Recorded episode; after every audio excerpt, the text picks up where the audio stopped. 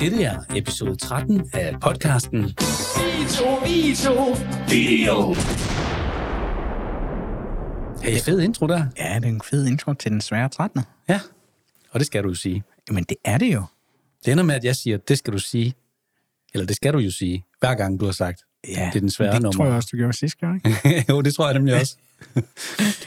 okay, Nå, men i dag er en mega spændende udsendelse. Vi har en gæst igennem, og det har vi øh, Fra den anden side af jorden. lige præcis hele vejen fra Thailand. Jeg tror, han er på ferie. Jeg er lidt i tvivl, men lad os, øh, det kan vi jo høre ham om, når Ja. det er. Vi skal Nå. snakke med, med Christian Kettner, som... Øh, Hvordan Hvor- var det, du kom i kontakt med ham? Jamen, han, øh, han skrev en besked inde på vores øh, Facebook-gruppe. Ja. Eller også var det en øh, personlig besked, det er jeg lidt i tvivl om. Øh, men jeg har haft lidt med Christian at gøre, men det er mange år siden efterhånden. Øh, Men han roste faktisk vores podcast. ja, det gjorde han, og det var mega dejligt. Og han, øh, han lyttede til den. Så øh, Ja, og han er sej. Ham skal vi lige høre. Lad os lade være at tease mere. Ja. Men han er på lige om lidt. yes. Hvad har du lavet siden sidst?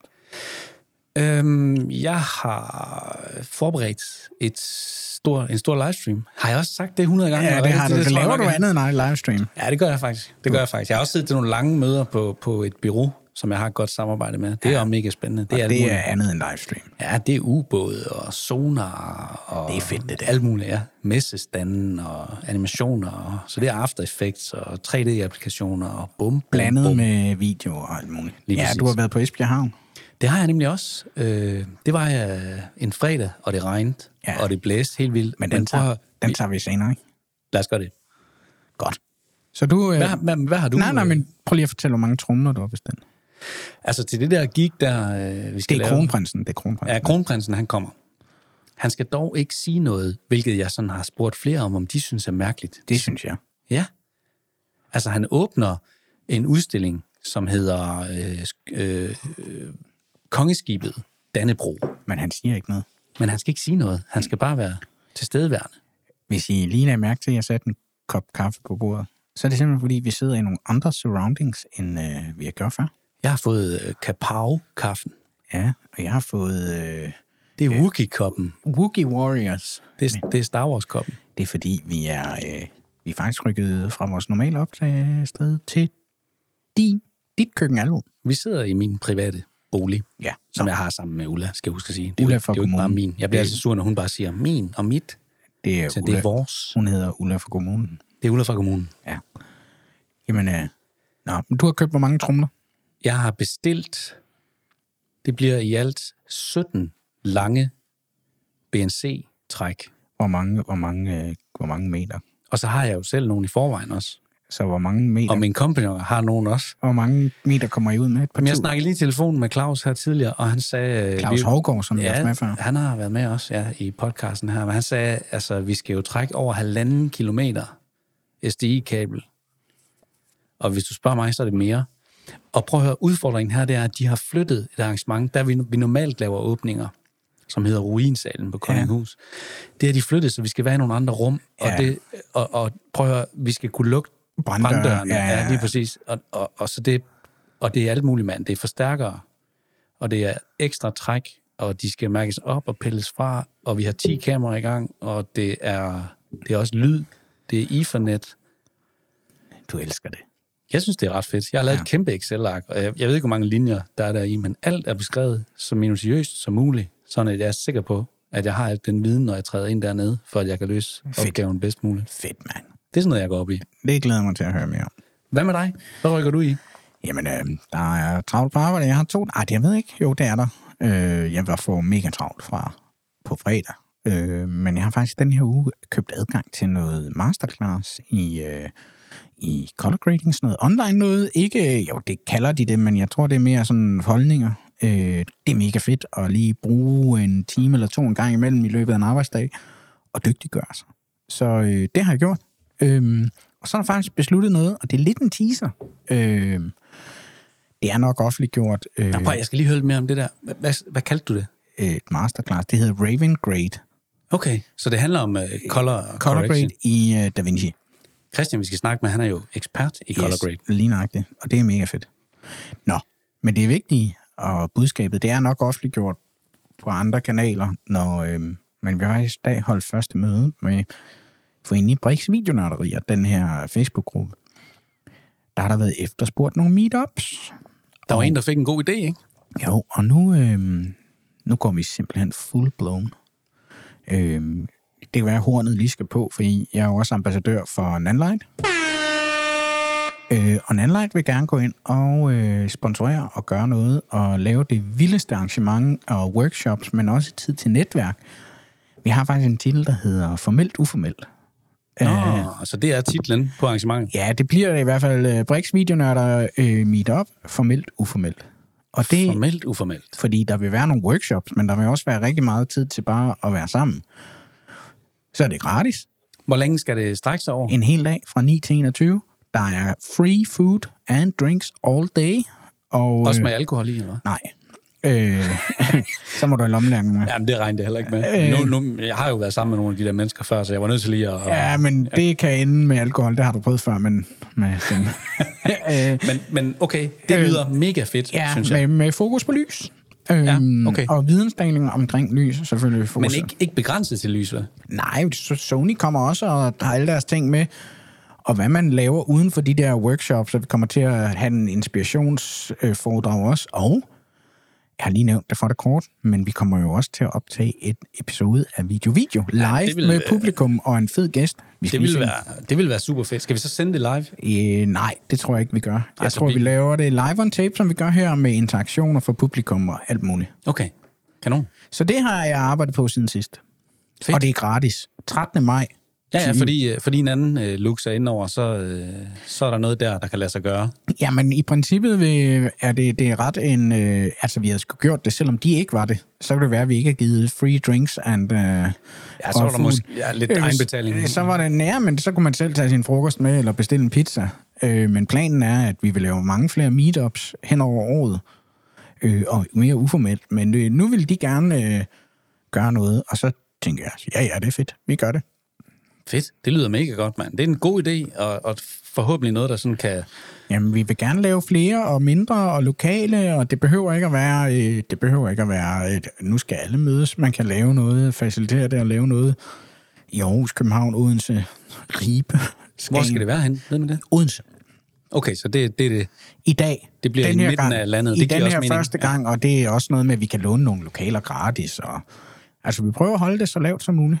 Der- Okay, så, så grunden, til, at du ikke siger, øh, grunden til, at du ikke siger, hvor det er henne, det er ja. fordi, at... Vi har en 98 procent godkendelse. Ah, okay. Og så kan jeg bare sige, der bliver store lodtrækningspræmier. Altså ikke Prøv, bare... jeg skal bare vinde en Evoque 1200. Så Ikke jeg, bare, øh, det kan sagtens blive det niveau. Øh, ikke, ikke, ikke, at jeg kan sige, hvad det er, men det er ikke sådan, du får et øh, rensekit til dit kamera. Det er øh, store ting, der bliver givet tilbage. Okay, fedt, mand. Så Får øh, man så også en goodie bag? Nej, nu skal jeg nok lade være. vi ved det ikke. Alt er i spil. Ja, ja. Men der er ingen økonomi, og dem, der skal komme, skal ikke betale noget. Det er et godt udgangspunkt, måske. Nej, men altså, øh, jo, producenterne, de skal give noget og give mad og sådan noget, men deltagerne skal det være gratis. Men jeg kommer også til at tænke på det, der, der sådan spawnede den her podcast i sin tid. Altså, at jeg gik og tumlede med den her idé om, at jeg gad godt at være i rum med nogle andre, eller gøre noget for branchen, eller du ved, altså Ja. videndele, spare, alt det her, hvor jeg jo smed i puljen, at hey, lad os lave en loge, ikke? Men altså, Ja. ja. jeg tænker jo, altså det der, det er jo sådan noget, der skal til. Og det kan man jo også mærke, tænker jeg, inde på kanalen derinde, at når der er nogen, der nævner det, så er der faktisk opbakning. Mega mange opbakning, og nu var der nogen, der lige, hey, vi kan lige arrangere noget selv, hvor jeg sagde, slå lige koldt vand i blodet øh, her første gang. Og så vil jeg bare animere til, at folk kan bruge gruppen til at lave deres egne små videndelings, og vi behøver, jeg behøver ikke være involveret. Øhm, og jeg håber, der kan opstå nogle fællesskaber, når man, når man, øh, når man kommer øh, sådan et sted. Øh, og man må gerne lave begivenheder og alt muligt inde i gruppen og lave sine egne. Men lige her første gang, fordi vi så fik den her mulighed, øh, så gør vi lige sådan full blown. Jeg tænker, det er, nu, nu har vi selvfølgelig de her øh, fabrikanter indover og, Ja, ja. og sådan noget. Men, men noget af det, der er interessant også her, tænker jeg, altså først og fremmest så er det jo det der med, med, at man stikker hovederne sammen. Det er det, der er vidensdeling. Ja, men i princippet er der vel også et eller andet fedt i, nu siger jeg bare noget, men det der med, at man holder det sådan rimelig loose, Lige sådan at tingene ligesom kan Men udvikle sig, vi som har de lavet, nu gør. på, vi har lavet et program allerede nu, og der er sådan noget to timers pauser og en times pause og sådan noget. Ikke bare program, og så skal vi have frokost, og så skal vi program. Vi lægger meget, meget øh, lange breaks ind, fordi folk skal også have tid til at sidde og drikke en kop kaffe og falde i snak og have tiden til det. Og der er også sådan noget med det der med, at folk skal nærmest føle, at det er okay, at man også måske bidrager med noget, man har fundet på, uden at man sådan på en eller anden måde skal spørge for meget om lov. Nu er Lige det bare mig, der... Jeg sidder Jamen, bare og kigger jeg- ind i et drømmescenarie. Ikke? Men det er, Altså, fuldstændig, det er fuldstændig sådan, vi gerne vil gøre det. Og det er derfor, vi kalder det, har titlen eller undertitlen, der hedder formelt uformelt. Fordi ja. der er nogle formelle ting, der vil ske, og nogle workshops, og man, hvis man ikke gider deltage, kan man sidde over i hjørnet og snakke, hvis det er vigtigere. Øh, og det uformelle er, at vi håber, folk kan mødes på kryds og tværs. Det lyder mega fedt. Jeg håber, det er nogle super fede rammer, og at øh, folk ja. bakker op omkring det. Jamen, det må vi se. Prøv at høre, jeg synes, vi skal ringe, fordi vi skal huske, vi klokken er sådan noget lidt i fem nu, Åh oh, ja, og der er lang tid. Øh, får seks timer til Thailand. det er rigtigt nok. Man skal lægge 6 timer til her, Ja, ikke? så det er næsten midnat, så lad os få ham on board. Jeg trykker simpelthen her. Kan så... du ikke tage kameraet fra? Jo, det er rigtigt. Det skal jeg. Vi sparer lige lidt på båndbredden, når vi er helt ude i, i Østen. Ude i det der Thailand. Det der Thailand. Jeg har aldrig været der. Jeg har været i Thailand. Hej Hej. Christian. Hej med dig. Velkommen til. Ja. Tak, tak. Ja, Jamen, øh, hvad laver du? Hvad laver du? Jamen, hvad laver du? jamen lige nu, der sidder jeg på en terrasse, lige, øh, ja, det ved ikke, 10 meter fra vandet, i, på en lille ø, der hedder Koh Chang i Thailand. Jeg håber, det er ferie. Det er ferie. Både og. Hvad er klokken? Hvad er klokken? Sig det lige. Vi har lige været inde på lidt, inden da vi skulle ringe op til dig. Den er 10 minutter i 11 Nå, okay. Så, så familien er lagt i seng. Så lidt ferie er det, siger du? Ja, det siger du. Ja, både og. Så vi har en, en del video, der skal filmes, men øh, vi prøver at få blendet det sammen med, at det også øh, føles sådan rimelig ferieagtigt. Kan man spørge ind til, Christian, hvad det er for noget video, du skal, du skal lave?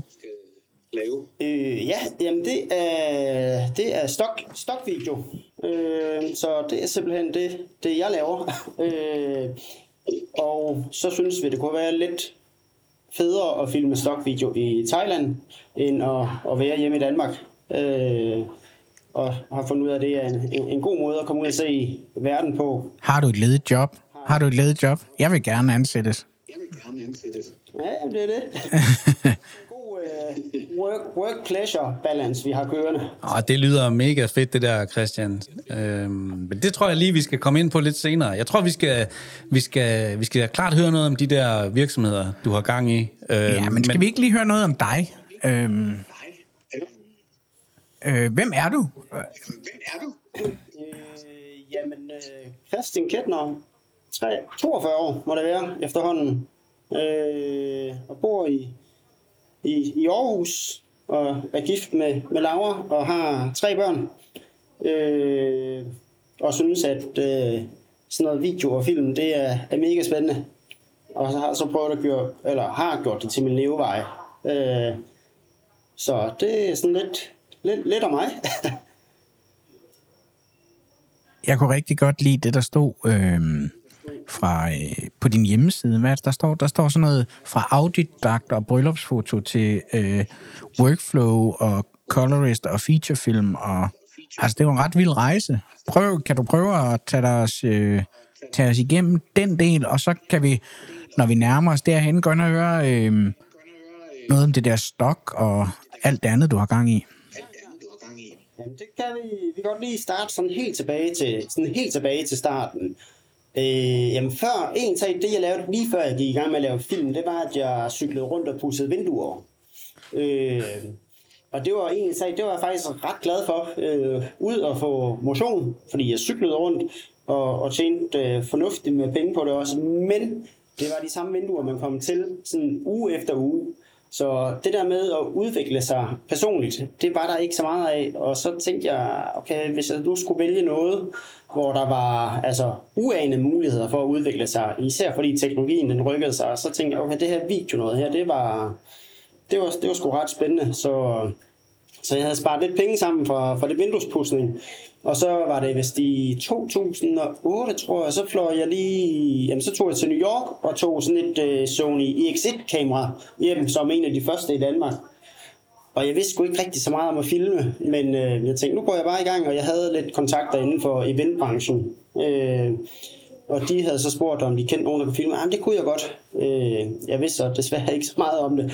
Så jeg var ude og, og lære sådan ret meget på den hårde måde, men øh, gik i gang øh, med at få filmet en, en hel masse øh, event og bilrace og bryllupper og ja, alt hvad jeg kunne komme i nærheden af. Øhm, Men, men Christian, hvordan, undskyld, hvordan, altså, hvordan var den der overgang, altså fra at du, okay, du havde et job som øh, vinduespusser, ikke? Og så, jeg, jeg er lidt nysgerrig. Jeg kan huske, det var min onkel, i min familie, der var det min onkel, der købte sådan et, øh, et øh, handycam, det hed det ikke engang dengang, men, men et, et kamera, som jeg fik fingre i som, altså, som purk. Og det var det, der ligesom, tror jeg, spikede min, øh, min interesse for selve det at optage video og fascinationen af det. Ved du, hvad det var, der havde ramt dig, inden du ligesom tog beslutningen om, at øh, jeg skal simpelthen lave video? Altså, jeg, der, der er blevet lidt med det i, i gymnasiet, og jeg havde også en, en multimediedesigner, som jeg, jeg tog for sådan for år, altså for år tilbage, inden jeg fandt ud af, at det var det her, jeg skulle lave. Så det var sådan lidt det, der sådan stille og roligt gik op for mig, at nu gav det her video mig sådan, det gav, det gav mening for mig. Øh, og især det der med, at man kunne, øh, kunne lære noget, og det var dengang, at øh, Andrew Kramer, han var, altså, han var i på sådan, han var lige, lige gået i gang, og ham var jeg stødt på, og det blev jeg rigtig inspireret af. Så, så det der med at kunne, kunne lave noget film, og så lave noget postarbejde også. Øh, Det er sjovt. det endte med at Det blive, er sjovt.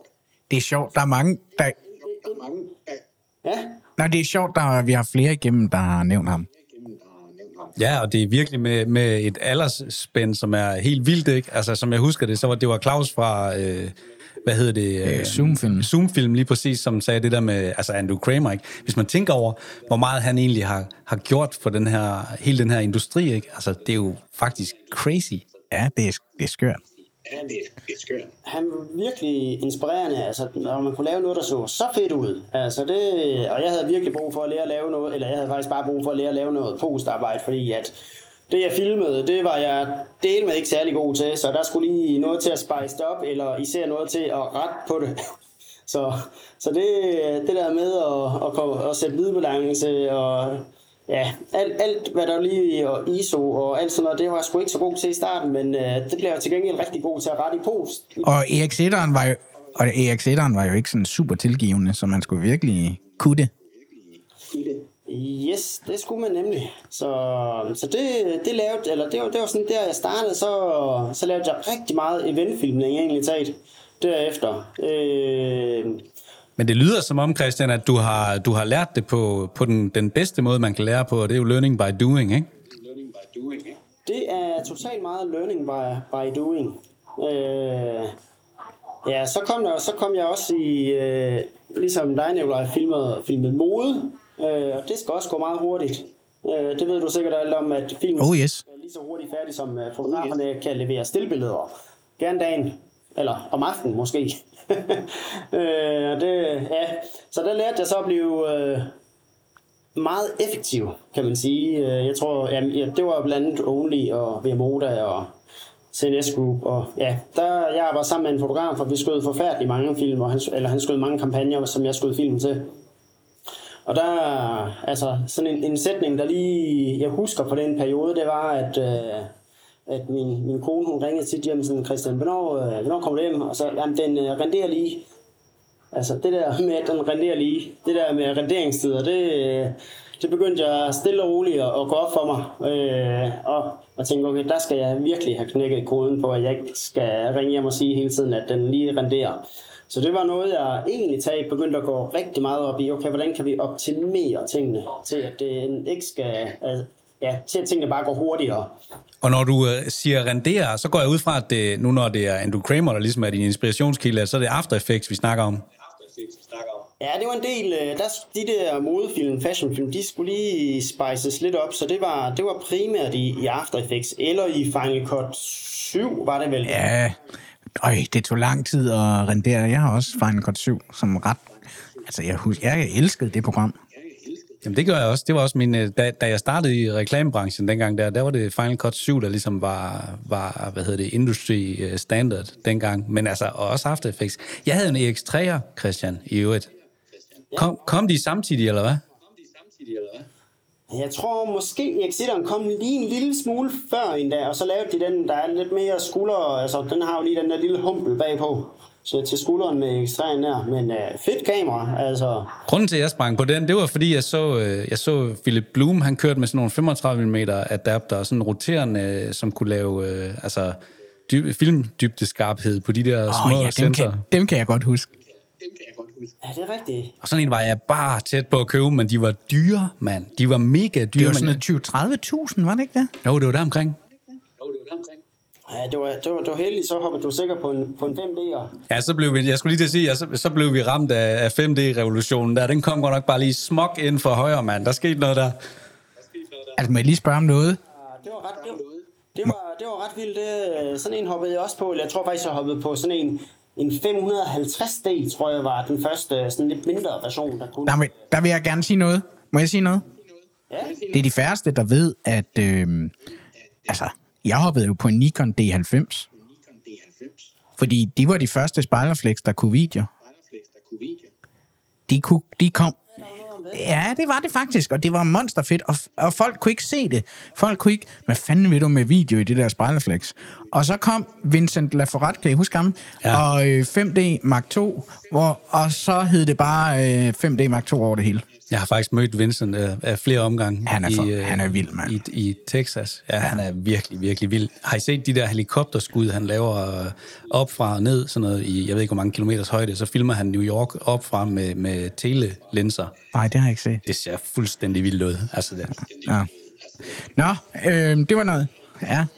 Nå, men øh, du, du, det glæder os lidt ind i det næste der, fordi altså, du beskriver også dig selv som colorist og øh, workflow addicts, og det passer jo meget godt, det der med renderingstider og sådan noget, ikke? Øhm, prøv, prøv at fortælle lidt om den, den rejse. Men jamen, altså, hvad... Jo, altså, så, color, altså sådan på colorist-siden, der...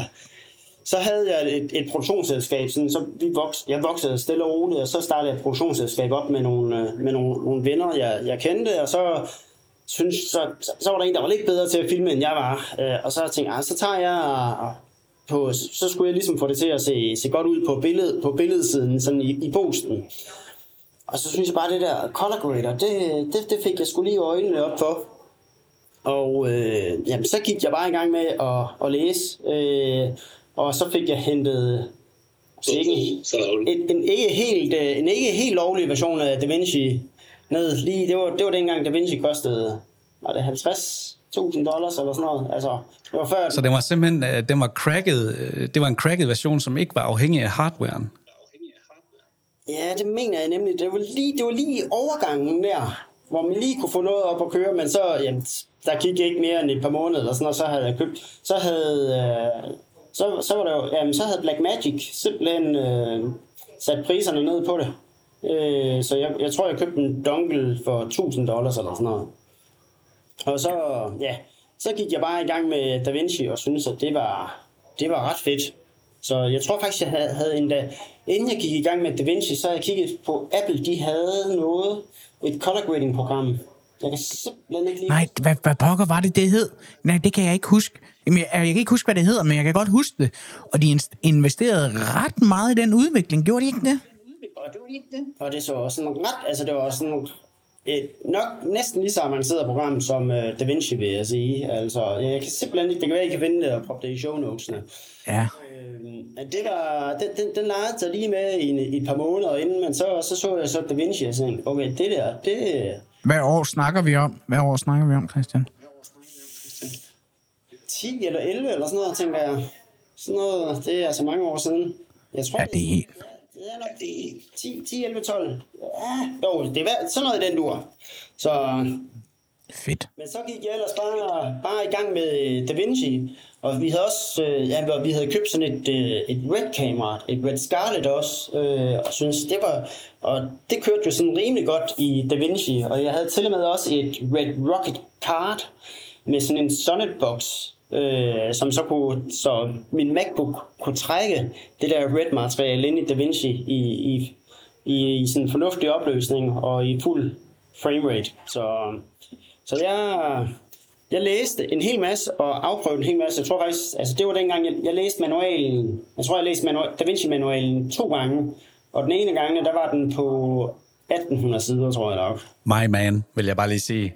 Jeg elsker folk, der læser manualer. Folk, der læser manualer. Har I set, hvor lang manualen er nu på den nyeste? Over 3.000, er den ikke det? 3.000, er den ikke det? Og jeg tror, den er et godt stykke over 3.000 endda. Så Jamen, jeg har, download, jeg har downloadet den. Jeg har downloadet den, og sådan, du ved, skimmet den lidt. Jeg bruger den som opslagsværk, ikke? Ja. Ja, lige præcis. Som opslagsværk, der er den altså ret god, den er. De, øh, de laver altså nogle manualer, der, der dur. Men så gik jeg simpelthen bare i gang med at, at color grade, og øh, så var der sådan flere andre filmselskaber, der begyndte at komme til os også og spørge, ah, kan du ikke lige color grade det her projekt og det her? Og ja, så jeg fik color graded utrolig meget der. Og det var også, øh, det, var- det var også det, jeg fik, så begyndte jeg at color grade øh, kortfilm. Øh, og så kom der også lige en enkelt lille øh, sådan low, low budget spillefilm ind fra, fra højre af, som jeg også øh, havde, havde fingrene i. Og synes også, at det var, det var, det var ret sjovt også. Ja, så fik du også en fornemmelse af, hvor stort et arbejde det er at få sådan en, øh, få sådan en svend på plads. Øh, yes, det jeg kan godt huske, da jeg sad og rotoskopede hænder, der skulle have en anden farve uden en skov øh, på sådan en lidt action-sekvens. Uha, der, Ah, ja, motion blur og alt muligt. Ja. Der, var, der var mange timers arbejde i, der var rigtig mange timers arbejde i det, men jeg synes også, det var mega spændende egentlig taget. Og jeg tænkte også, at det var egentlig taget den vej, jeg skulle øh, sådan gå lidt mere i. Så, så jeg, jeg knoklede egentlig taget virkelig meget med det, og så blev jeg ansat ude på DR som color, colorist derude. Åh, oh, fedt. Øh, Og Aarhus, Aarhus, er, Aarhus er jo også den fede DR-afdeling. Det er jo der, de fede programmer bliver lavet. Åh, okay, det, åh, det vidste jeg ikke. Det er, godt, det, er godt at høre. Men jeg kan huske, da, da jeg kom til, til samtalen, og så, jamen, kan du... Øh, og hvad er det? Avids Color... Og hvad det hedder deres? Avid Symphony, tror jeg, det er, den hedder. Ja, ja, ja. Color grading program der. Kan du det? Ja, ja altså, jeg tror lige, jeg havde åbnet det en enkelt gang og set lidt i det. Ja, det, det kan jeg godt. Øh, det... Ah, jeg vidste godt, okay, nu skulle jeg hjem og se tutorials i 46 timer, inden jeg startede næste, næste mandag. Men der var YouTube dengang, så, så du var heldig stillet. Øh, Så det var i 15, tror jeg faktisk, det var. Så Jamen, det er jo næsten for nyligt, ikke? Det er jo næsten for nyligt, Christian. Ja, det er det. Det er det. Er det. Og det var også uh, learning by, by doing, og det jeg så ikke lige blev helt færdig med, det kørte jeg ind og lavede færdig om aftenen, natten, og så op på arbejde næste dag igen. Jeg var lidt langsom i starten, men uh, Nej, det synes jeg er en fed... Synes jeg er en fed. Prøv at høre, det synes jeg er så fedt, det der, fordi jeg har også altid gjort det samme. Øh, hvis jeg har fået opgaver sagt, det kan vi godt. Og hvis jeg ikke kunne, så har jeg bare brugt ekstra tid og netter, øh, fordi det også er en investering i en selv. Og jeg tror, det jeg ser nu, nu er jeg jo sådan en, der hyrer freelancer og sådan noget. Jeg synes, der er mange, der mangler den evne til at sige øh, team for team, men altså i stedet for at udvikle sig, for det handler jo rigtig meget om, øh, hvis man gerne vil udvikle sig, bare sparke timer i det, ikke? ja, men det, og der skal altså lægges nogle timer i, i, hænder, i hænderne, vil jeg sige, og i øjnene, når man sidder og color grader. Det, det, er et, ja, det er jo et, et håndværk, ligesom alt, alt det andet, vi også render rundt og laver, kan man sige. Ja. Der, det synes jeg var, det synes jeg altså var ret, ret fedt. Og så vidste jeg også godt, at jeg er god til at lære online. Altså jeg kan, hvis jeg ser et eller andet, fordi jeg har lært stort set alt, hvad jeg har lavet, har jeg lært gennem trial and error, error og så tutorials. Så jeg vidste godt, at jeg godt kunne, altså, jeg var ikke sådan helt, øh, okay, hvad gør jeg nu? Det var sådan, okay, nu ved, jeg ved, nu, nu går jeg hjem og ser det her og lærer det her, og så går jeg i gang.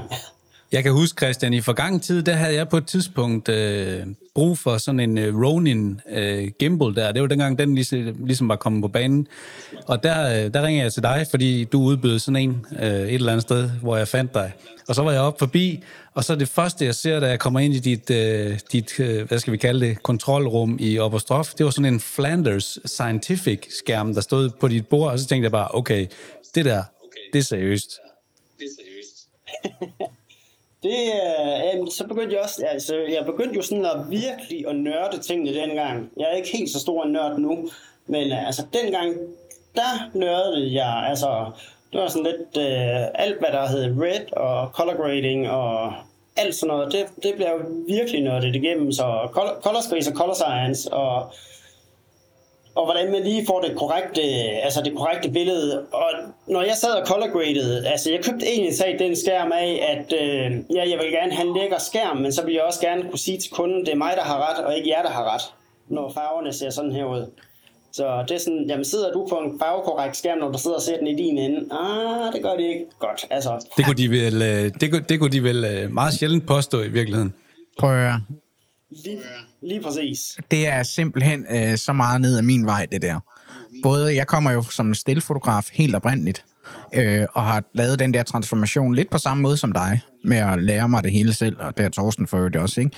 Men jeg printede jo kontaktark 10 år efter, vi var digitale på billeder, fordi folk sidder og kigger dem på deres skærm, og det samme i dag. Jeg kalibrerer min skærm hver anden dag, øh, og er helt nazi med, det skal i hvert fald se ordentligt ud på min skærm, og jeg skal kunne sige, at her står det rigtigt.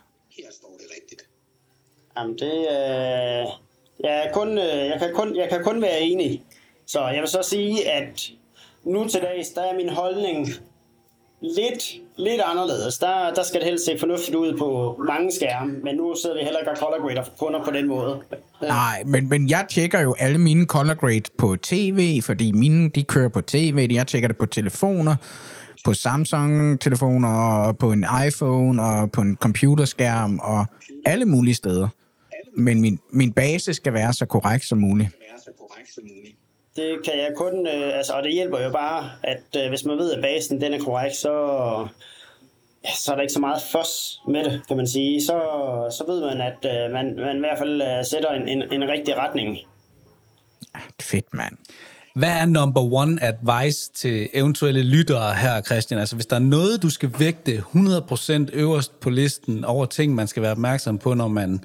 Altså, hvad, hvad, hvad er det første ord, der popper op i hovedet? Eller hvad er det, der er vigtigst, når man skal lave noget, der ser godt ud? Skal godt ud. Uh, altså når man skal sidde, altså nu, jeg har, jeg, har- jeg har, jeg har fået mig en elev her i, i sommer, øh, som er i gang med at sidde og lære color grade, og jeg vil sige, noget af det, der er, altså mit bedste tip, tip til color grading, det er at øh, prøve at gøre det så simpelt som overhovedet muligt. Altså, du behøver ikke at have kæmpe store node trees og lave så mange, øh, altså, ja, lave så mange ændringer i, i, i billedet, som ikke kan, kan føres videre til det næste billede. Så medmindre det er en featurefilm, og man har, har mange uger til det. Øh, så altså, keep it simple stupid, er det ikke det, man siger? Så, jo, så det du siger der, det, det er, at man egentlig skal være opmærksom på hele materialet, inden man går i gang. Altså på sådan en måde, sådan at man, man måske kan, kan, kan træffe nogle gode beslutninger overall, og så gå lægge for land med det, i stedet for ligesom at bare tage et klip ad gangen. Et klip ad gangen. Lige præcis. Altså, det jeg typisk plejer at gå og finde, det er... Jeg plejer, plejer at finde nogle hero, shots, øh, og så plejer jeg at finde nogle virkelig dårlige shots. Øh, og så prøver jeg at grade dem, og, få, og kan jeg få det til at ligne hinanden sådan nogenlunde, så, så kører vi videre. Hvis det er helt umuligt, så, så må vi lægge en ny plan. Hvem er bedst til at levere materiale til dig som, som colorist? Altså, er det øh, nogen, der selv har prøvet at lave øh, color grading, eller er det, altså, hvad skal man sige, øh, dedikerede fotografer, som... Eller, altså, ja, det jeg egentlig spørger lidt ind til, det er det der med, jeg ved, øh, klippere, de har det bedst med, med, med nogen, der ligesom selv har prøvet, at, altså de kamerafolk, der har prøvet at klippe og sådan noget, men er der også, gør det så også gældende i forhold til farver? I forhold til farver. Altså, jeg vil sige, nogen, der har tæ- altså fotografer, der lige har tænkt over, om tingene skal brænde ud, eller hvad der, skal, hvad der er fokus i billedet. Altså, fotografer, der lige tænker sig lidt om, det, og dem har jeg heldigvis mange, der jeg, jeg arbejder sammen med. Altså, det er, det er nok... Så jeg synes, altså bare dygt, dygtige fotografer øh, generelt vil jeg sige, om der lige er noget specielt at sætte på dem, det... Øh, altså, jo, en ting jeg kan sige, det er, at øh, det er federe at, at color grade end at color correcte. Så altså sidde og rette, og, øh, end at, så jeg vil hellere sidde og bygge ovenpå, end at sidde og rette noget, hvis det giver mening. Det gør det helt sikkert, men det er vel i virkeligheden de to processer, det handler om, at man ligesom man korrigerer, og bagefter så laver man det kunstneriske, ikke? Kunstnerisk, ikke? Ja, men der er nogle af de fotografer, jeg arbejder sammen med, det er en sag bare at smide en color, color space transform på, og så ser det bare stjerne godt ud allerede, og så, og så kan vi bygge videre på det. Ikke at det behøver at være en kæmpe proces, men det hjælper. Altså, det, især når vi, når vi har lidt fart på i bæksten, så, så vil vi gerne køre det sådan rimelig, rimelig strømlignet. Så jeg Ja. siger det også til dem. Altså, det er sådan, ah, kunne du ikke lige, eller skru lige kan du ikke lige eksponere en lille smule lavere end næste gang, du har den her type skud, når, når vi sidder med det, eller ah, det kunne være fedt, hvis vi kunne lige have set skyerne her. Så Men jeg tænker næsten, altså, nu var vi jo inde over, og vi snakkede en lille smule om den der EX1'er der, ikke, som jo var sådan noget 8-bit og lav båndbredde og hårdt komprimeret, og det kunne man jo ikke rigtig rykke så meget i. Men, men det her med, at er det ikke måske bare blevet mange gange nemmere at color grade i dag, fordi der er så meget øh, dynamisk spænd og sådan noget? Dynamisk jo, altså det er, det er meget sjældent, man løber ind i problemer, hvor man ikke kan komme ud af det, kan man sige. Altså hvor man ikke kan få det forrettet billede op til, at det ser sådan ret godt ud. Så, så det er, det er væ- væsentligt nemmere. Altså alt det, vi sidder og arbejder med, det er som minimum 10 bit. Øhm, så det er, det er altså ret, øh, ja, det, det, er ret, det er ret fornuftigt, vil jeg sige. Så det, bøv, det bøvler vi heldigvis ikke så meget med. Okay, men Christian, prøv, øh, måske skal vi prøve at bevæge os lidt over i, øh, Ja, din nuværende forretning. Prøv, prøv at beskrive, fordi at, øh, du har nogle forskellige ret interessante ting. Det er ret interessant. Altså, Min nuværende sådan, hovedforretning, det er, det er, at jeg, jeg, jeg har sådan en lille bix, der hedder stockagent.io, og øh, den har sådan øh, to ben. Og øh, det ene ben, det er, at vi, vi selv producerer noget stockvideo, eller jeg selv og min elev gør. Øh, og så har vi så et samarbejde med en hel masse fotografer, som øh, producerer stockvideo, eller har rester på klippegulvet, øh, som de kan bruge til, til stockvideo, og så sender de det ind til, til os. Og så sørger vi for at fordele det ud på diverse platforme, hvor det giver økonomisk mening for os. Så det er sådan øh, ganske, ganske kort fortalt. Øh, så vi laver, ja, i hvert fald en, jeg ved ikke, mellem 500 og 500, ja, nok en 500 nye klip hver uge, som kører vi igennem øh, vores pipeline. okay, så I faciliterer simpelthen øh, god video som øh, øh, til de steder, hvor altså, creatoren får flest penge ud af det. Er det sådan korrekt forstået? Korrekt forstået. Ja, det er det vel egentlig talt. Så vi, øh, vi tager deres, øh, altså deres, de, de laver et, et, et råt dump, og så sidder vi og, og klipper og grader og keyworder og tagger og konverterer og laver diverse formater og uploader på, på diverse, de, jeg tror vi er på 10 platforme, 10 platforme vi uploader til lige pt. Øh, så det der gør det, så vi gør egentlig taget det, hvad kan man kalde det, det lidt kedelige arbejde, som jeg så til gengæld synes er mega spændende. Fedt. Og øhm, uden at du skal afsløre tal, men hvordan er den her stokbranche? Altså, jeg bruger jo stokbilleder i ny og næ. Øhm, øh, det gør vi til nogle af vores store corporate, hvor vi ikke, hvis vi skal have et vandfald i Brasilien, eller whatever, en luftballon, ikke lige kan lave det selv. Øhm, øh, øh, hvordan, hvordan ser den ud i dag? Fordi øh, rigtig mange går jo fra at tage et fee per klip til at det er abonnementordninger og sådan nogle ting. Prøv at fortælle lidt om det. Jamen, øh, altså vi har, altså jeg kan fortælle sådan lidt om, at vi prøver selvfølgelig at øh, ikke at have alle æggene i en kog. Altså vi vil gerne lave noget risikospredning, så vi er på mange forskellige platforme. Pond5, Shutterstock, Adobe, øh, Motionary og Artgrid er nogle af dem. Deposit, Envato, Øh, og nogle af platformene, der får vi enkelt, altså der får vi sådan en, en, en royalty per, per download som regel i den lidt højere ende, og andre af 16, det er sådan nogle, der er abonnementsbaseret, og der får vi altså pennies for per download, kan man sige. Så det er, hvad hedder det, så det er meget forskelligt, hvad vi, altså det meste, jeg har fået for et klip, det var 2.000 dollars i royalties for et klip. Øh, og, Og det, bliver det så exclusive? det blev exclusive i et år. Okay. Så, så, så vi gad godt at pille øh, klippet ned på alle de andre sites, og så, så gøre, det, gøre det stykke arbejde, der var forbundet med det, kan man sige. Øh, men kun, kun i et år. Øh, så det skal vi faktisk snart lige have lagt op igen. Og øh, ja, så de andre sites, det er så, eller mange, det, der hvor vi klart tjener mest, det er på, på, på de abonnementsbaserede sites. Øh, så jeg vil til enhver tid have, hvad hedder det, lad os bare sige 50 cent per download. En, øh, en, øh, en, et, et download til, til 50 dollar.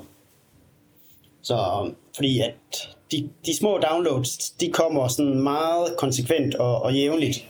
Og den ene dag så lige er, om, lad os bare sige, at, den ene, at, at, at der er lidt færre downloads den ene dag med, med subscriptions, mens at øh, hvis det er de andre, hvor det er sådan de lidt højere beløb, så, så hvis man misser det salg den dag, så er det der bare ikke, kan man sige, eller den uge. Så, så det, det kan vi, øh, det kan, det, vi kan godt lide mange øh, sådan mikrosalg, kan man sige. Det lyder lidt, ikke, ja, det ved jeg ikke, det, det lyder sådan ikke helt, åh, hvad kalde det? Ja. Men det giver meget god mening, fordi at jeg jo også øh, bruger af for eksempel ArtGrid.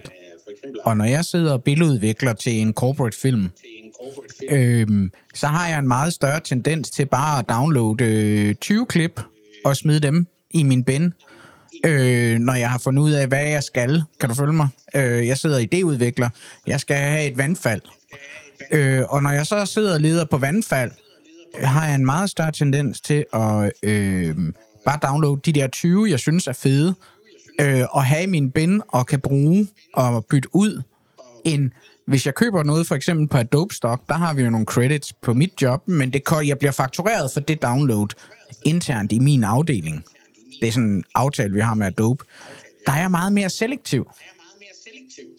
Åh oh, ja, det kan, jeg, det kan jeg godt øh, forestille mig, at, øh, at, at du er. Altså, det er jo sådan, så er du ligesom, det er jo købt og betalt, og der er ikke rigtig så meget, altså især hvis man skulle betale ejendommen, kan man sige, så er der ikke helt så meget at med.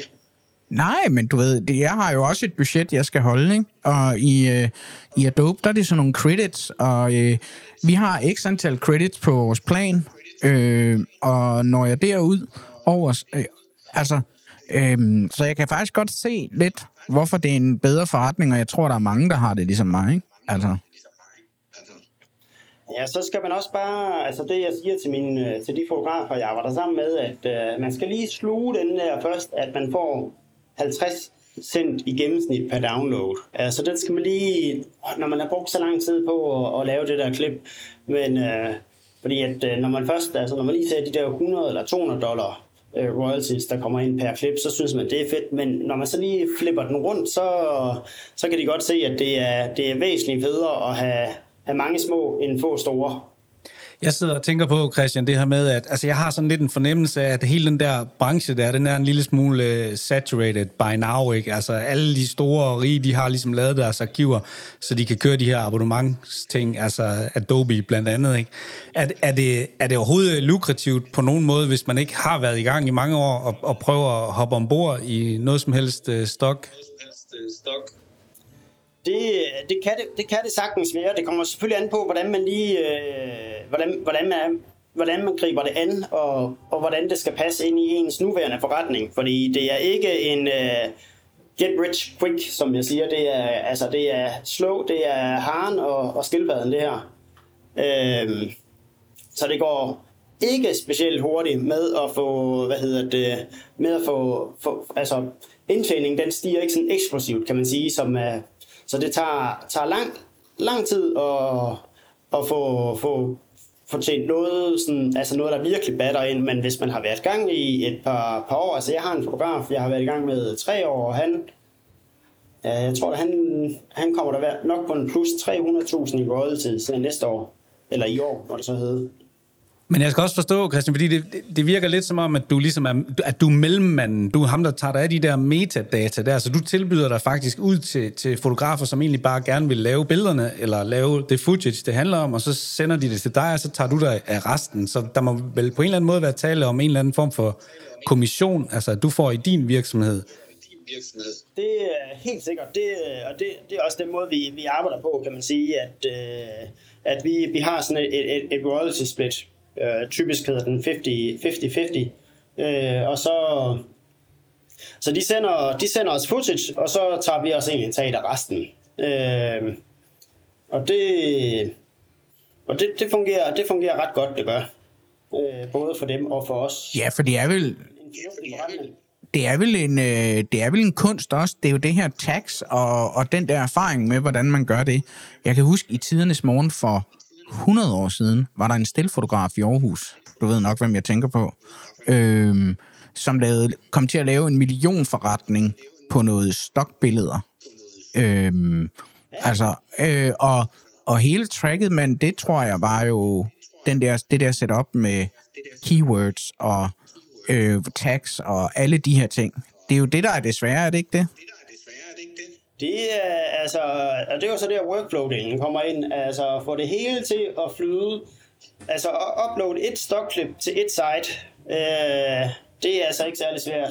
At uploade 10 stokklip til, øh, til, til et site, det er heller ikke svært at uploade, men det bliver man heller ikke, øh, det tjener man altså heller ikke mange penge på, øh, medmindre man laver sådan et, et unicorn-klip, som vi har nogle stykker af.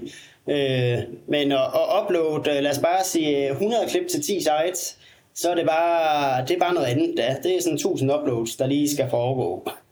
Øh, så at, at, at få knækket koden til, til hele det workflow, det kræver virkelig, øh, at det, det, kræver, det kræver finpudsning af, af maskineriet. Jeg forestiller mig også, at det er sådan rimelig organisk, ikke? Altså, fordi alle de her øh, sites, som tager imod de her klip, altså, de, øh, de har vel også øh, en kutume med ligesom at opgradere og lave nye versioner af deres backends og alt sådan noget. Åh oh, ja, altså og især, vi, vi sidder lige i gang med at, at rekeyworde 15.000 klip, der skal laves nye tags på. Øh, fordi at de i mellemtiden har ændret måden, de har accepteret tingene på, og de har været ret langsomme til at få, få klippene op. Øh, vi kunne saturate, saturate hele deres backend sådan ret, ret nemt med, med det content, vi producerede. Så, så det er, den, er lige lidt, den er lige lidt hård at sluge, at vi skal sidde og lave ny, ny metadata på 15.000 klip. Øh, det, det, det tager meget tid og, og ret meget energi. Men skriver du ikke bare til øh, den der Open øh, GPT, eller hvad den hedder, og så, så fikser den det? Så fikser den det. Ah, det kan vi desværre ikke helt. Øh, der, der, den, den, der skal også lige være nogen, der lige øh, ser på billedet og, og lige forstår at prioritere keywordsene i rigtig række. Men, men det tænker jeg, det kan den der AI, der gøre. Jeg tror, vi er der ikke helt endnu. Vi er der ikke helt endnu, desværre. Øh, men øh, snart, håber jeg da. Det, altså AI, det kan mere og mere. Men øh, lige for at afrunde lige den del, for du har også en lille anden del, eller jeg ved ikke, hvor lille den er, men øh, til vores lytter, der godt kunne komme tænke sig at, øh, at komme i stald ved dig, eller arbejde med det her, er det noget, du tager imod? Eller hvordan? Ja, det, det, det er det. Altså, så skal man bare, bare hive, hive fat i mig. Øh, enten over Facebook eller inde på, på hjemmesiden, som dog ikke er så godt op og kørende lige for tiden. Men øh, altså, dem vi søger, det er nogle dygtige fotografer, der kan se det her på den lange bane. Altså, det er overhovedet ikke noget korttidsnået, det her. Det er totalt, det er sådan noget, man kan se, at øh, man laver noget stokvideo hen over mange år, og så får man bygget en fornuftig forretning op. Så, så det, er, det er nogen, altså vi ser gerne, at hvor de fotografer, vi arbejder sammen med, at de kan levere sådan jævnligt og levere sådan en høj kvalitet, vil jeg sige. Prøv at nævne et eksempel, øh, Christian, på øh, sådan en aftale der. Altså, hvad hvad skal man forvente at, at, at byde ind med, for at det giver mening for alle parter? Øh, jamen, jeg har, hvad hedder det... Så jeg har nogen, der måske sætter mig, det ved jeg ikke, en 300-400 klip om, om året. Og de laver... Jeg havde en, der sendte mig 300 klip her sidste år, sendte ikke så meget her i år, og han lavede, var det 38.000 plus moms. Altså, så han lavede faktisk ikke noget arbejde her hele sidste år. Øh, så det, det ja. Så han, han, han, han, har, han, ja, han, han har fået sådan rimelig fornuftig med, altså ja, royalties for, for noget arbejde, han så lavet for, for år tilbage, kan man sige. Hvor han så havde leveret, det ved jeg ikke, 1000 klip eller sådan noget. Så, så men, men dem vi gerne vil have fat i, det er, ja, det er dem, der bare kan, kan levere sådan nogenlunde jævnligt, og, og så ikke forvente, at de bliver stjernerige fra år et af, men at de kan se, at det hele tiden stille og roligt vokser. Og især hvis man leverer, så vokser det. Hvis man ikke leverer, så stagnerer det, kan man sige. Så ligger det som regel bare, øh, altså så, så er det nået til et punkt, og så, så vækster det ikke sådan, som regel så meget yderligere. Måske en lille smule, men ikke, øh, ikke super meget. Jeg har, Christian, en, øh, en meget, meget stor øh, datapakke, eller hvad skal vi kalde det, en masse NAS server og sådan noget med alt muligt på. Jeg, en gang der gik jeg med sådan en skør tanke om, at jeg skulle prøve at, at, at sætte nogen til at scanne igennem det, for at se, om der var nogle, øh, nogle stokklip, jeg kunne lægge et eller andet sted hen. Men jeg ved ikke, sådan noget, sådan noget gammelt noget fra, fra nullerne og fra, altså fra 2009 og 10 og 11 og 12 og sådan Er der efterspørgsel på, på sådan noget gammelt noget? Jeg rendte, jeg rendte og lavede en masse film for nogle kommuner og du ved, alt sådan noget. Øh. Altså, hvor det er sådan lidt, øh, lidt tilbage. Ja, der vil jeg nok sige, at altså, det skal, de fleste sites, de er som minimum 4K. Også selvom det er godt footage, som jeg så ikke uh, helt forstår. Altså, jeg siger et billede af et, altså footage af, af, så et godt billede, det er et godt billede, om det er i fuld HD eller 4K eller, eller hvad det er. Men uh, lige nu, der arbejder vi med, at uh, altså 99% af tiden, der skal det næsten altid være i, i, i, i, 4, i 4K, og i, øh, uh, de vil som regel også gerne have det i 10-bit. Så, men måske, altså det er ikke til at vide, det kan være, at du har noget stjernegodt materiale. Altså jeg har noget af mit gamle materiale, som stadigvæk noget af det, som jeg, jeg startede stille og roligt ud med det. Øh, også for ham, eller det var ham fotografen, du nævnte tidligere, øh, fra Aarhus, af, der er lidt inspireret, eller det var faktisk min kone, der sagde, åh oh, Christian, det der, det skal du da, det skal du da prøve at lave. Men jeg har, jeg har for, Ja. oh, jamen, jeg har for eksempel øh, noget ret vildt footage fra 2015 fra nogle sindssyge, unikke steder i hele verden. Altså, vi snakker verdenskulturarv. Øh, den kinesiske mur, dronebilleder over de mest vilde. Øh, jeg har øh, Bagan i Myanmar, templer og munke. Jeg har øh, øh, øh, øh, øh safari i Afrika. Alt muligt. Kan, kan det bruges stadigvæk? Og det, er, og det er 4K. Det er 4K. Det er 4K. Ja. GH5-materiale. Det er faktisk GH4 og GH5 materiale. Ja, det tror, jeg, det tror jeg godt, det kan. Men det er jo egentlig bare for at sige, give folk nogle, øh, en referencepunkter, ikke? Så, så det, øh, Ja. jeg sige, det, det, det, burde, det burde det godt kunne. Altså, så længe det er, er, er godt footage, så, og det var som også det, jeg sagde, altså, godt footage, det er godt footage, uanset, stort set uanset, hvorfor en opløsning det er i. Så Ja, interessant. Hvis vi lige skal tale lille, lille, lille smule videre, så har du jo også et andet site.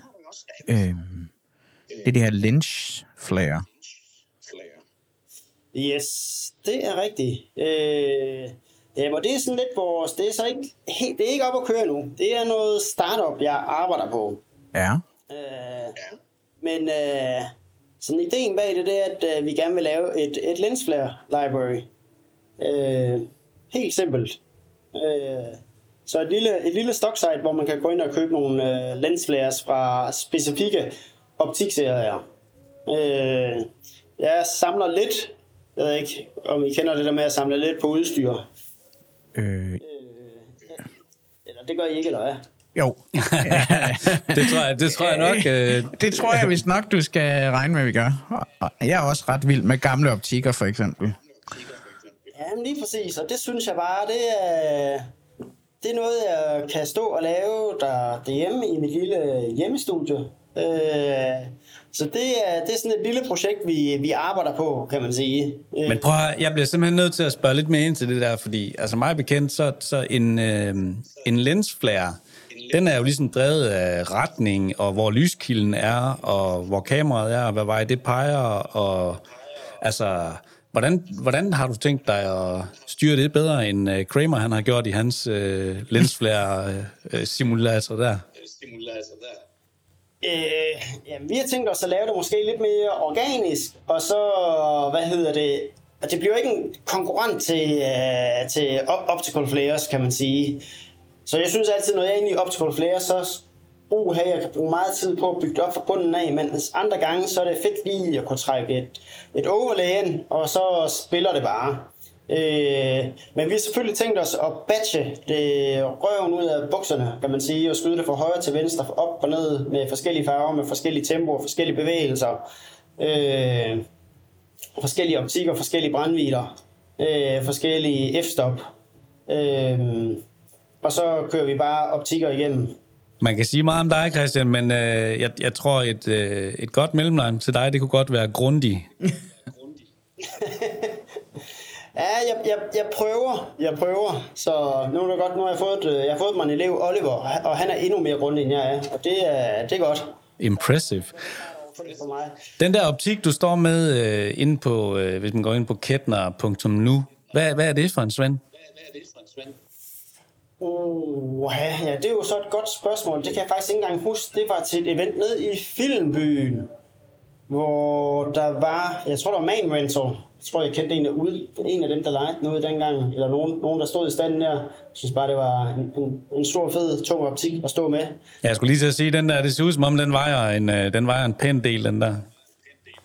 Ja, det var, det var, det var, det var, det var en af de lidt, lidt tungere drenge. Så, så men jeg synes bare, at det der med optikker, det er, er sjovt. Og, og, og sådan både også, men det ved jeg ikke, optikker, de, øh, de går ikke helt lige så hurtigt af mode som øh, kamerahus.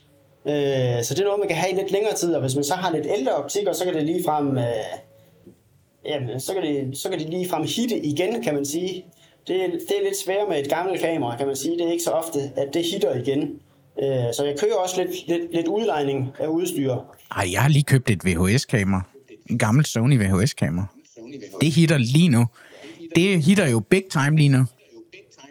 Yes, det er bare... Det kan, det kan jeg nemlig godt forstå. Altså, det der look der, det er... Øh, man kan godt få emulatorer, der kan, kan, kan lave noget, der ligner det. Men det bliver ikke lige helt det alligevel, det gør ikke. Altså, jeg tror faktisk også, du har ret, Christian, at, at sådan en ex der, den er nok, øh, der er nok lange udsigter til den, som bliver rigtig populær igen. Populær igen.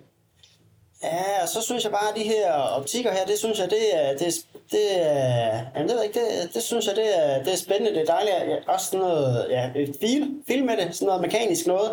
Så jeg har alle mulige gamle optikker og nye optikker, så jeg har lige fået sådan et, et nyt sæt Laowa Nanomorphic. Jeg ved ikke, om I kender, kender dem. Det er sådan en ret fed, øh, sådan en ret fed work, workhorse øh, anamorfisk optik. Fedt. Den vil jeg gerne prøve en dag. Hvor mange er det en, er det en dobbelt squeeze, eller hvad? En dobbelt squeeze, eller hvad? Øh, 1,5 squeeze. Ja, okay. Og hvad skyder du egentlig på? Kan vi ikke lige hurtigt runde det? Nu skal vi også øh, ikke tage hele din aften, men, men øh, Jamen her, her til Thailand, der har jeg bare taget ASUS 3 med, og, en, øh, og der har vi så en 50 mm 1,2 GM den er 77 fucking fed, mand. og en, og en 70 200 Mark 2. Den er også fed. Ja. Så, så den, den, er, den nye, den er 50 mm, det, den er, det er første tur, den lige ud at køre nu, så Jeg er fuldstændig vild med det glas. Ved du, hvorfor en du skal prøve at filme på? Det vil jeg bare sige til dig. 135'eren GM. Harvard GM. 135, det er... Altså, det er jo lidt begrænset. Nogle ting kan man bruge, men det er noget af det fedeste, jeg nogensinde... Øh, altså, det er virkelig fedt. Altså, det er virkelig fedt. Som i... Øh, den er nu, du kan få lov at låne min. Du kan få lov at låne min, hvis jeg må prøve de der love. Jamen, det, det, det skal vi nok finde ud af, vi skal. Det, den, er, den er jeg max frisk på. Ja, godt. Har jeg, ellers så har jeg, har jeg noget, en Pocket, Pocket 6K Pro. Øh, den er så, jeg har også sådan nogle to gange squeeze anamorphic. Øh, sådan nogle ældre nogen. Øh, der er de ret fede, fede på den. Øh, så har jeg et øh, USA 12K, der skyder vi rigtig meget af det der studio stock på, vi laver. Øh, vi skyder en hel del makro. Og hvad har jeg mere? Så har, jo, så har jeg et øh, Kronos HD slow motion kamera. Sådan et Kronos HD 2,1. Jeg så noget, du har lagt på øh, Instagram der. Det var, det var ret fedt. Jeg også, okay, nu, nu overcranker vi. Jamen, det, så den, den kan skyde sådan 1000 frames i sekundet øh, i RAW i, i nogle Cinema DNG'er. Prøv at høre, jeg skal op og besøge dig. Øh, det bliver jeg simpelthen nødt til. Det bliver jeg simpelthen nødt til. Jamen, du er meget velkommen. Så, så det, øh, den, den synes vi også, den er altså rigtig sjov at lege med, og den er faktisk ret, altså i forhold til, i gamle dage, da vi lavede reklamefilm og sådan noget, så, jamen, så skulle man enten have fat et uh, Phantom Miro eller noget Phantom 4K, og der, altså, det var sådan noget, priserne startede ved 10.000 og sluttede jo ved jeg ved ikke, 35.000 eller sådan noget med en lyspakke. Men så det her... Per dag, per dag, per dag. Per dag. Ja, ja, per dag, og så skulle der også måske lige være en operatør med, mens at det her, det her Kronos HD, det kan vi lege ud for et par tusind om dagen. Altså, så, Hvordan er det med, nu siger du, det er DNG-filer og sådan noget, så har den vel sådan et eller andet, øh, den har noget, noget RAM, som er dedikeret til, og hvor længe kan du så lave sådan en 1000 fps-optagelse der? øh, 10 sekunder. Jamen, det er egentlig også pænt jeg. Jeg, jeg har været til sådan en workshop en gang med, med øh, Phantom Flex, tror jeg, den hed. Altså, der var vi nede på sådan noget to sekunder, tror jeg, eller fire måske. Altså, alt efter opløsning, ikke? Men det var også vildt. Der skulle man jo stille øh, black balance efter hver skud, og you name it. Det var besværligt. Det, det gør vi også som regel på den her. Til gengæld tager det ikke mere end 3-4 sekunder, vil jeg sige. Så man skal i hvert fald være, altså når man skyder slow motion, så, så skal man lige være inde i et workflow, at man lige skal tømme bufferen over på en harddisk og, og sådan noget stads. Men øh, når, det så, når det så først kører, så, så kører det. Og det er jo ikke, altså det fede ved det kamera, det er, at det, det er altså ikke større end en, et, et, lidt større end ASUS-hus, men ikke, øh, ikke meget større. Så, Okay, spændende. Okay, spændende. Det kunne være sjovt at prøve at lege med en dag. Bliver det varmt, eller hvad? Bliver det varmt, eller hvad? Øh, ikke sådan øh, specielt, altså man skal bare holde, øh, holde, holde temperatur i det, kan man sige. Så vi har både brugt om vinteren og om sommeren, og ja. Så altså, vi, vi kører som regel bare med fast strøm på det, når vi skyder i studiet. Okay. Og når vi så har det så, og, og så står det bare og er tændt dagen lang. Så, så blæserne dur. Interessant. Det skal jeg, øh, det skal jeg skulle prøve lidt. Øh, Jeg har allerede nogle idéer. Øhm, Hvem er det, Christian, der, der bygger den der Kronos der? Og de hedder Krontec og kommer fra Canada af. Så, så det, Har jeg, har jeg set det kamera i forbindelse med dem, der bygger droner over i USA også? ah, det, er, det er så free, Freefly. Jamen, de laver også et, gør de ikke? Ja, ja, de lavede sådan en, der hed Wave, øh, der kom ud Nå ja. der kunne skyde 4K. Øh, den havde jeg faktisk også kigget, kigget på, men øh, 4K i 500 billeder i sekundet, og så var det vist øh, 1000 billeder i sekundet i, i fuld HD. Øh, men den fik ikke, den var lige lidt dyrere og fik ikke de bedste anmeldelser. De er faktisk lige kommet ud med en ny en, der hedder Ambert, mener jeg, den hedder. lige nøjagtigt, det er den, jeg har set. Det er den, jeg har set.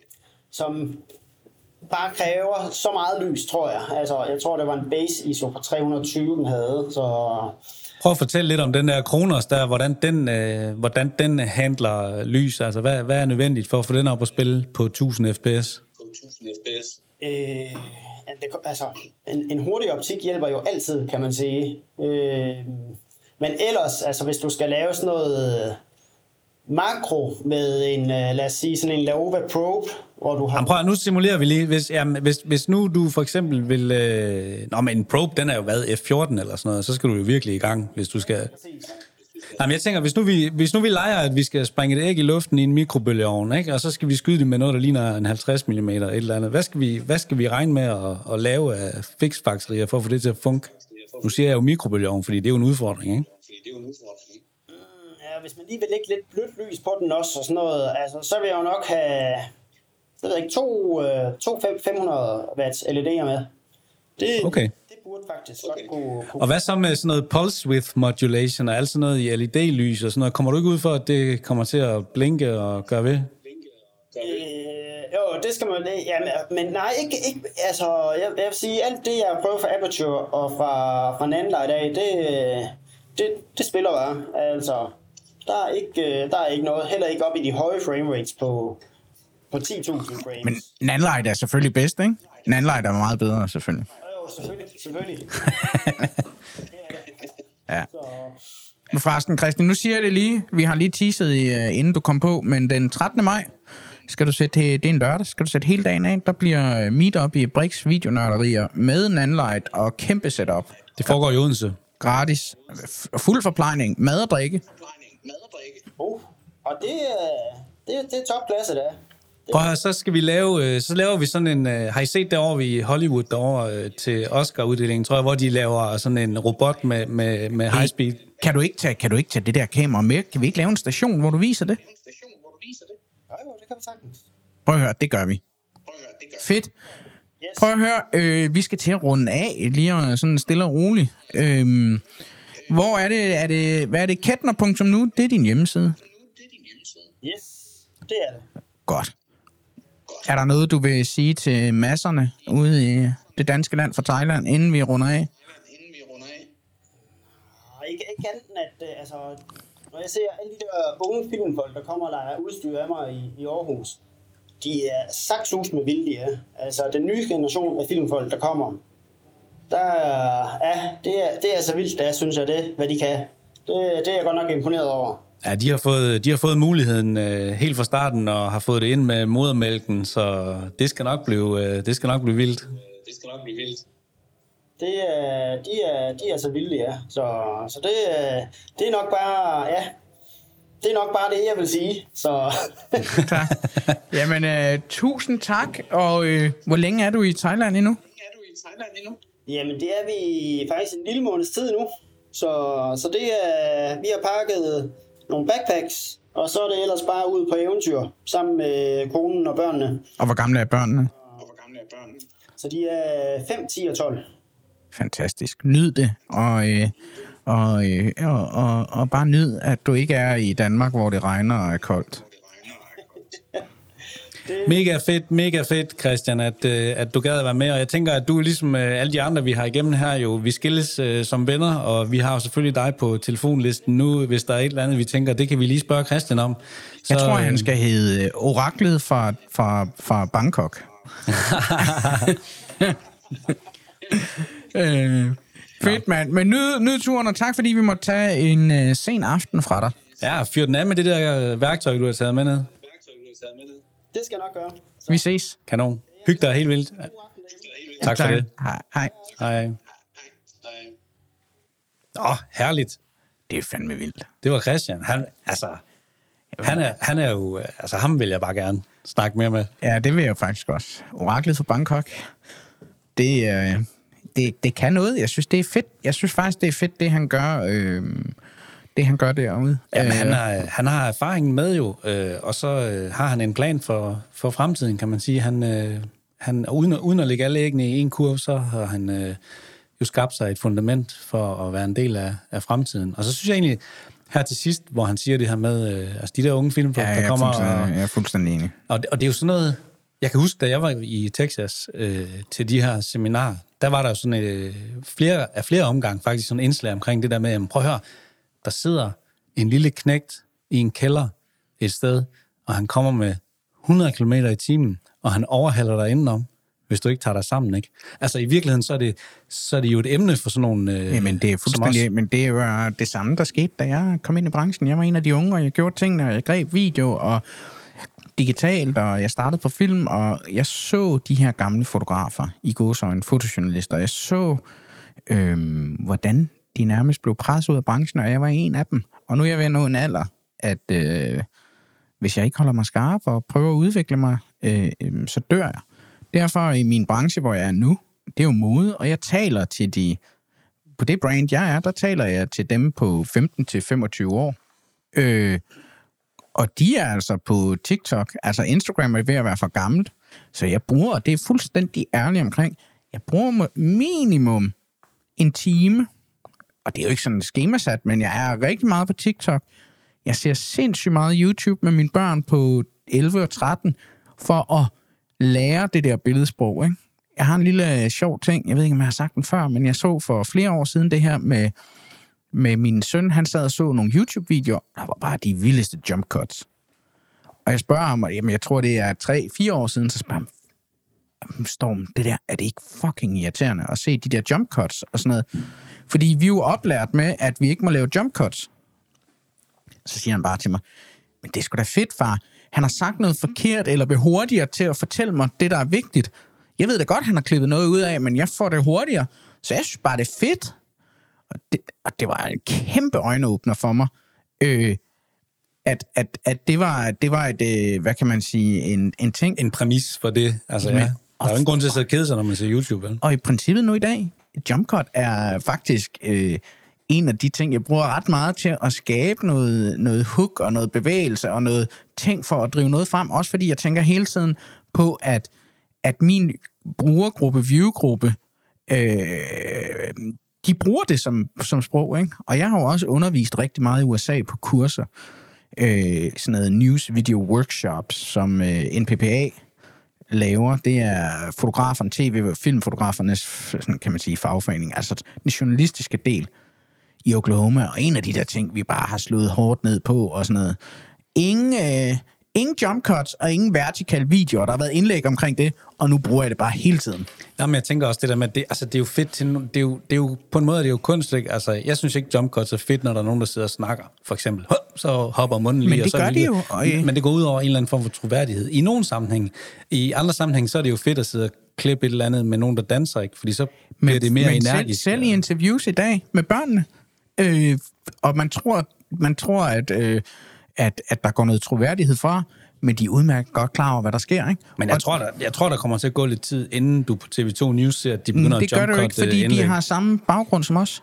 Nå, nej, nej, jeg tænker, ja, om, om, om 10 år, 15 Ja, år. ja, så- men, Det, men det kommer til at ske, fordi at dem, der er opdraget nu, dem, der er på mine børns alder, der er det bare hverdag. Det, Eller, det, eller også er det helt modsat. Altså, Ja, så bliver- knows? så så, så, bliver så de- bliver det gamle populært igen, ligesom Ja. ja. I var inde på der, ikke med objekt, objektiverne. og VHS. Men interessant. Det kan være et helt afsnit øh, senere. Ja. Øh, vi skal lige hurtigt snakke noget teknik. Nå ja, vi har et teknik. Du var på Esbjerg Havn. Ja, det er rigtigt. Fortæl mig lige lidt om vejrudsigten. Ja, det var ikke så godt. Jeg fulgte med i den sådan et par dage op til, jeg tænkte også, okay, det der, det bliver lidt crazy. Det her, det var en, øh, en stor virksomhed, som producerer sådan noget øh, helt specielt custom-made øh, halløj til, øh, til offshore-industri. Og de har bygget en kæmpe maskine, som skulle noget ud på et skib. Øh, og der var ligesom sådan et vindue. Det ville tage dem 14 dage at skille den ad, fordi den skulle shippes med nogle andre både fra Esbjerg Havn et eller andet sted ned i, i øh, Sydeuropa, tror jeg, og monteres der, hvor den så endelig skulle fungere. Så de var i gang med at lave test, og de har stillet den op på, på Esbjerg Havn. Og der var kun det her vindue med den her ene dag, hvor der faktisk var mulighed for, at vi kunne tage lidt over og så lave nogle billeder, som de skulle bruge til deres øh, salgsafdeling. Noget, noget video med funktionerne på den og sådan noget. Og prøv at det er sådan en maskine, og den kan løfte 50 ton, ikke? Øh, så den er for det første meget langsom. Og der tænker jeg, Og okay, meget stor og meget, meget stor ja, og tung. Men, men mere det der med, at den var langsom. Så jeg havde, jeg havde lagt i orden til, at når, hvis vi skal sidde og vise det her på et eller andet salgsmøde, altså den kører faktisk langsomt, at video ikke rigtig giver mening. Men jeg skulle jo så speed det op efterfølgende. Så jeg tænkte, okay. Og så blæser det bare helt vildt. Og det regner samtidig. Og altså, jeg kan godt se, når jeg speeder det her op, hvad sker der så ikke? Altså, jeg skal være sikker på, at kameraet det er statisk. For det første, ikke? Og vi snakker lift, øh, og vi snakker tripod, og altså, prøv at høre, hvad vi ikke gik igennem der, og, og så det mærkelige var det bare, skæbnen ville bare, at hver gang det holdt op med at regne, og der lige var lidt, øh, lidt ophold, og vi gik ud med kameraet, så begyndte det at regne igen. Og omvendt, ikke? Altså, og så, jeg var simpelthen... Jeg, Hvad, jeg var, hvad gjorde du med det der regn? For det er faktisk gerne det, jeg vil frem til. Hvad, hvad gør man i regn, øh, når, man, når man filmer? Hvad gør du? Jamen, udfordringen her bliver selvfølgelig hurtigt det der med at holde, øh, med at holde øh, frontglasset clean. Øh, men der brugte jeg faktisk en, en matbox. Øh, hvad mærker jeg det, det er? Small rig. Det er rigtigt. Det er en small rig, ja. Du har fået den af mig. Det er rigtigt. Ja. Jeg havde, og jeg, åh, kan du huske, vi snakkede i telefonen sammen, så sagde jeg, jeg er simpelthen lykkelig, Brix, fordi den her matbox, den har lige gjort det for mig i dag. Ja, du har tænkt på mig hele tiden. Ja. Nå. Hver gang jeg stod, altså det eneste jeg lige havde, øh, men det er jo også mig, du ved, Mr. Mr. Hirtshals, Mr. Ja, ja. Altså, der, der er ikke nogen mulighed for ligesom at spænde det der hængsel strammere. Til, det der, øh, til den der shade. Hvad, Ja, hedder, altså- hvad hedder det? Ja, det hedder Ja. vel egentlig en flap. Barndor flap agtig Ja, men den, der sidder en af dem Ja, på, den, på den der model. Lige præcis, ja. i den, horisontal. og den var ikke i stand til at holde sig selv. Så jeg skulle ligesom holde den, og så bruger jeg jo energi på det, kan man sige. Ja. Og den kom også ind i frame nogle gange, ikke? Og Men det var også voldsomt. Og hvad gjorde det var du med helt klart, regnen? øh, Hvad helt gjorde klart du øh, voldsomt. Jamen, jeg tog en, øh, en, en sort plastiksæk, og så øh, kørte den ind øh, på yderste, yderste, hvad hedder det, gevind på objektivet, og så ellers bare sådan løsligt henover. Og, og så, jeg skyder til 500 Mark II, og der har jeg, den der Wi-Fi extension har jeg købt til den. Ja. Den var lige lidt peberet, men der var den altså rigtig god. Fordi så kunne jeg i ro med at stå med min mobiltelefon, som jo i virkeligheden er lidt mere modstandsdygtig, forestiller jeg mig, over for fugten, end kameraet er. Så den der, og, og plus at jeg havde øh, en, øh, en, en wireless transmitter på os, og en monitor, som også var lidt mere modstandsdygtig over for, for vejret. Så på den måde fik jeg ligesom kameraet pakket væk, og så kunne jeg stadigvæk øh, styre alle funktionerne i, i kameraet på min mobiltelefon, og se billedet øh, på den her eksterne wireless øh, monitor. Så på den måde var jeg ret godt udstyret, men det hjalp ikke i forhold til vind og lift, rystelser. Øh, der var også en enkelt øh, synk, der skulle laves, og du ved, kæmpestor vindhætte på, men det er aldrig super fedt, når det blæser så meget. Jeg var imponeret over min makker. Øh, Christian, han kom forbi med en Inspire 1. Han var rimelig kystkold, vil jeg sige. Altså, jeg ved ikke, om der er nogen derude, der sådan har erfaringer med, med de der Inspires der, men den gjorde det faktisk ret godt i noget, der ligner sådan 7-8 sekundmeter eller noget. Øh, og, og rundt om og lave, altså jeg har set footage i dag, og jeg er naturligvis i gang med at stabilisere det, ikke? Også fordi det der med ligesom at lave en jævn overflyvning der, det, det er stort set umuligt med, med sådan nogle vejrforhold, der bare kører på, ikke? og med, med, med fugt også øh, i forhold til objektivet og sådan noget. Men jeg, jeg var faktisk ret godt tilfreds med det, jeg lige så, da jeg scrubbede det igennem. Men, men altså, Jeg har et trick, Ja. øh, som du måske ikke gjorde brug for. Ikke? Altså, jeg bruger også plastikposer, også når jeg har rejst. I dag øh, rejser jeg jo heldigvis der, hvor det er varmt og koldt og dejligt mange gange. Øh, men jeg har også rejst og arbejdet i virkelig dårligt, specielt i min sådan, tv-tid og dokumentartid. Og plastiksæk i den gode kvalitet er god. Og det der med, med, med mattebox, det har jeg faktisk ikke tænkt over, fordi det har været et problem at holde rent. Men øh, du kender de her små, når du køber et eller andet nyt, de her små poser, som ligger i øh, tasker eller i noget, der til at suge fugt. Dem samler jeg altid.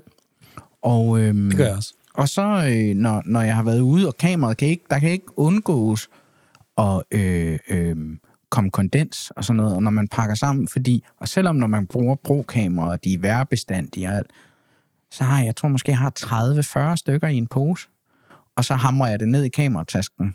Nogle gange har jeg faktisk også i lange perioder, hvis jeg har haft ind, puttet dem ind under, altså nærmest tapet dem fast med små stykker malertape på kameraet, til at, at, at samle fugt op. Og jeg mener faktisk, man kan, man kan, når de sådan er blevet brugt i noget tid, så kan man putte dem i ovnen, og så lade det der fugt komme ud af. Jeg ved ikke, hvad temperatur man skal gøre det, Det med. har, jeg- det har jeg ikke prøvet. Men jeg samler, og jeg får familie og venner til at samle sammen til mig. Det er et ret godt trick. Ja. Hedder det silikon, eller Ja, silicium? nej, Nej, ja, jo, det er sådan noget. Det er sådan noget. Ja, i den dur der. men det, det er faktisk et ret godt trick. En eller anden form for mineral eller sådan Ja, noget, der, ja, der ja. suger fugt, ja. Noget andet, jeg så for nylig, kommer jeg lige i tanke om, øh, jeg sad og, og, og glidede afsted der på min øh, Instagram øh, Feed. af, afhængighed, ja. eller, eller hvad det var. Ja. Men, men der var der nogle kinesere, som havde lavet... Øh, jeg har aldrig set den før. Det, jeg havde set, det var, at øh, op på den der Deadliest Catch Ja, øh, ja. optagelse op nordpå, Ja, der, har de, Alaska. ja, der har de på det der gyocam, de har på den der helikopter, ja. der Ja. sidder der sådan et stykke glas, som roterer med... Øh, Det roterer helt vildt. 1000-1500 per minut. Sikkert. Jeg ved ikke, Men jeg hvor har meget... set det på men, ABC. Ja, men vandet, når det rammer, så bliver det simpelthen bare Ja. blæst af med det samme, så vandet kan faktisk ikke øh, sidde fast. Men der var nogen, øh, der så jeg et nyt produkt, som jeg så lige tjekkede. Ja. ud, med en, øh, sådan en, øh, en blæser. Der var ikke lyd på de der videoer der, men jeg forestiller mig, at okay, hvis man sætter den der på, altså det var lidt ligesom en, en matbox, eller som, Ja. som et øh, appendix, Men med, ligesom med, en, med blæser der. Ja, og så blæste den det simpelthen væk. Den var så nanocoated med et eller andet, ja, selve glasfladen der, men den skulle også kunne holde det clean. Men jeg tænker, man kan nok ikke bruge det sammen med, med en synk. Men, øh, men der, det, er en, det er en stor udfordring. Og så var den jo et dyr. da Ja. jeg gik ind og kiggede. Men tænkte, okay, okay, det der, apropos Deadly Cast, de der kameraer, altså, de holder jo ingen tid, så dør de. Det er helt vildt, når man finder nogle af de der behind the scenes. Et, de taber dem alt, men de holder, de holder ikke engang en hel sæson, regner de med. ved du, hvad de skyder det på? Øh, alt muligt skrøm. Okay, ja, jamen, det giver jo Øh, sådan set men også de har mening. både haft øh, små det ene, men de har faktisk, jeg tror, de startede med sådan noget Erik Sitter og øh, sådan noget, men, og det er mange DV-cams, altså sådan noget, netop fordi det hele bare skal være samlet, og så højner de jo produktionen på nogle ting, men, men altså, de har så mange kameraer, de holder maks en sæson, så de er et op af salt og de der forhold. Ja, altså hvis der er nogen, der synes, det er sjovt at prøve at kigge ind i nogle, øh, nogle heroes inden for vores branche, så vil jeg nok sige, at nogle af dem, jeg tror, jeg har mest respekt for, det er de der crews, der bliver udstationeret på de der skibe der, ikke? og så skal de lave det footage til den udsendelse der. Ja, det er hårdt nok bare at være der. Altså, det tror jeg nok. Ligesom, øh, det kan vi jo godt catche. Vi har jo også ham, der har lavet Sirius, Lasse. Vi har teaset for det før. Det er rigtigt. Lasse Rabeck, han øh, kommer med på et senere tidspunkt. Det bliver også spændende. Det Ja. glæder vi os til i hvert fald. Men var det ikke øh, ved at være... Øh, Det er faktisk en, det? lang, øh, faktisk en længere udsendelse, den Ja, her. det, jeg tror faktisk, det var så længst. Ja, tiden den flyver afsted. Men øh, tak for i dag, Thorsten Frøstrup. Og tak for i dag, Nikolaj Brix. Tak fordi I gad at lytte med derude. Hej. Video, video, video.